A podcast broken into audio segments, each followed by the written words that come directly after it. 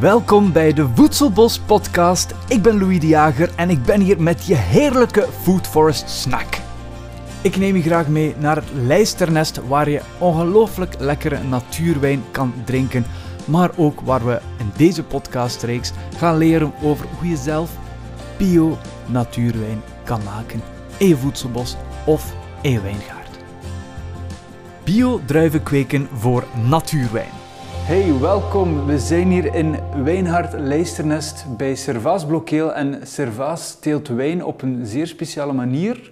Heeft zijn eigen technieken waardoor hij eigenlijk puur natuur werkt. Op jouw t-shirt staat er enkel druiven, verder niets. Wil dat zeggen dat er in wijn enkel maar druiven zit en geen nitraten of nitrieten? Of wat doen eigenlijk allemaal anders in wijn?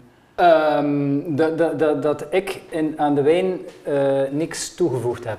Er zit natuurlijk wel druivensap in, en dat is geteeld op akkers uh, waar ik zonder, zonder pesticiden en zonder andere kunstmesten en, en dus ook geen, ook geen compost, ook geen, ik voer eigenlijk niks aan. Die, die druiven groeien op de bodem zoals hij is in een volledig gesloten cyclus. En het enige wat, wat we eruit halen zijn eigenlijk suikers die dan in de wijn uh, omgezet worden. Ja, maar dus ja, heb ik dat mis, maar ik, ik heb nog wijn, uh, ja, wijnkwekers uh, bezocht in Frankrijk en zij gebruikten niet enkel druiven, maar ze deden daar nog andere dingen bij in hun vaten. Er is een, er is een volledige lijst aan stoffen, hulpstoffen die gebruikt worden in de wijnkelder en dat zijn dus de dingen die ik niet doe. Dus ook geen sulfieten. Uh, dat, dat is eigenlijk het stofje waar er wat meest polemiek veroorzaakt, waar altijd wel iets over te doen is. Uh, de algemene stelling is dat uh, wijn zonder sulfieten niet bestaat. Om het simpele feit dat in dat hele biochemisch proces sulfieten automatisch aangemaakt worden door bacteriën of, of, andere zaken. En dat er dus altijd minstens kleine hoeveelheden sulfieten in uw wijn aanwezig zullen zijn. Ik heb nu de eer gehad vorig jaar om, uh, en dat blijkt uit de officiële analyses van een officieel labo in, in, in Duitsland, ja. uh, dat er dus 0,0 uh, milligram per liter sulfieten in die wijn in de Magda 2019 aanwezig waren. Maar, serieus? Ja. En in de Fatima ook 0,01 dacht ik. met andere woorden, het blijkt dus dat het mogelijk is om een goede bewaarwijn te produceren zonder dat daar ook maar iets in aanwezig is of iets aan toegevoegd is om het bewaarproces te ondersteunen enzovoort. Dus wij filteren ook niet, wij gaan niet klaren met eiwit of bentoniet klei enzovoort, wordt allemaal niet gebruikt, maar dat zijn allemaal stoffen die in, in, de, in, de, wijnbouw, in de wijnbouw vrij gangbaar zijn en die bijna altijd gebruikt worden. Ja, ja. Amai, speciaal. En hoe ben je ooit bij de wijn terechtgekomen? Ik had niet veel zin om mijn, om mijn lichaam kapot te werken zoals ik zie bij heel wat uh, uh, groenteboeren, bijvoorbeeld biologische groenteboeren en zo. Dat is dus een heel harde stil, ja. Uh, waar de, de verloning, ik vind dat het loon naar werk is er niet voor die mensen. Dat is een heel harde stil, waar dat er eigenlijk heel weinig verdiend wordt. En in dat denkproces ben ik bij wijnbouw gekomen en toen was dat voor België nog wat moeilijk, maar dan ben ik mensen beginnen bezoeken die al bezig waren. Dan in contact gekomen met mensen die met, met nieuwe genetica aan de slag gegaan waren. En dat heeft mij dan weer uh, wat, wat wakker gemaakt.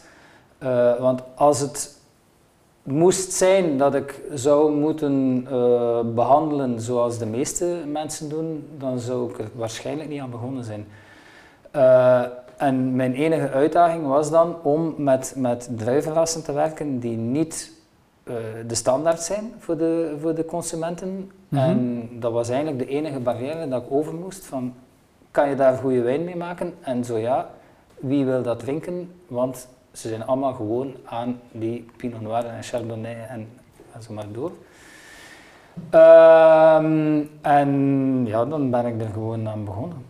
Allee, gewoon aan begonnen. Dan is er een toevalligheid geweest dat er ergens in de familie een beetje grond uh, vrij kwam en zo. Zalig. En dat is dan het begin geweest en dan hebben we een hoeve bijgekocht. En, en nu hebben we een bedrijf eh, van 4 hectare en, ehm, die een exclusieve natuurwijn maakt. Eh, Hoeveel liter kan je zo per jaar produceren? de doelstelling is om tussen 20.000 en 30.000 flessen te produceren. Maar dat is al, dat is al iets, hè?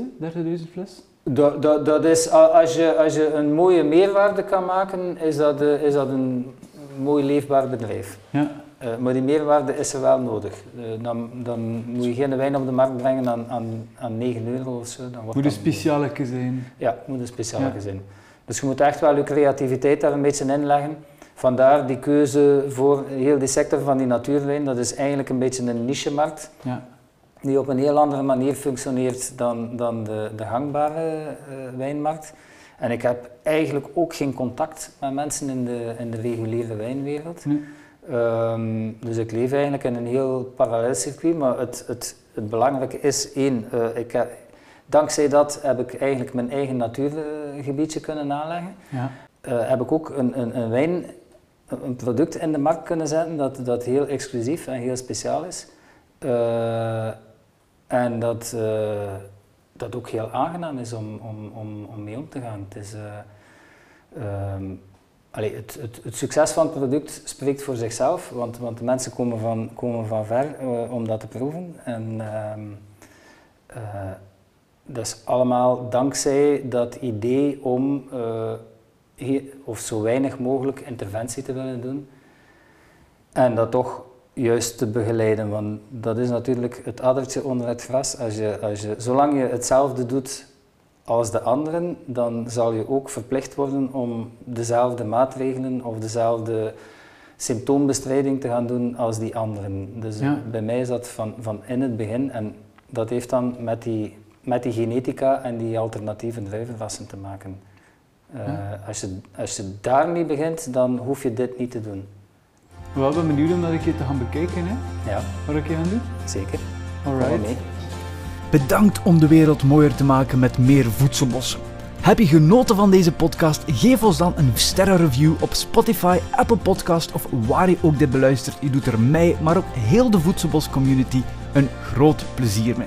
Wil je nog meer leren over voedselbossen? Volg dan onze topopleiding op www.foodforestinstitute.com. Ciao kus!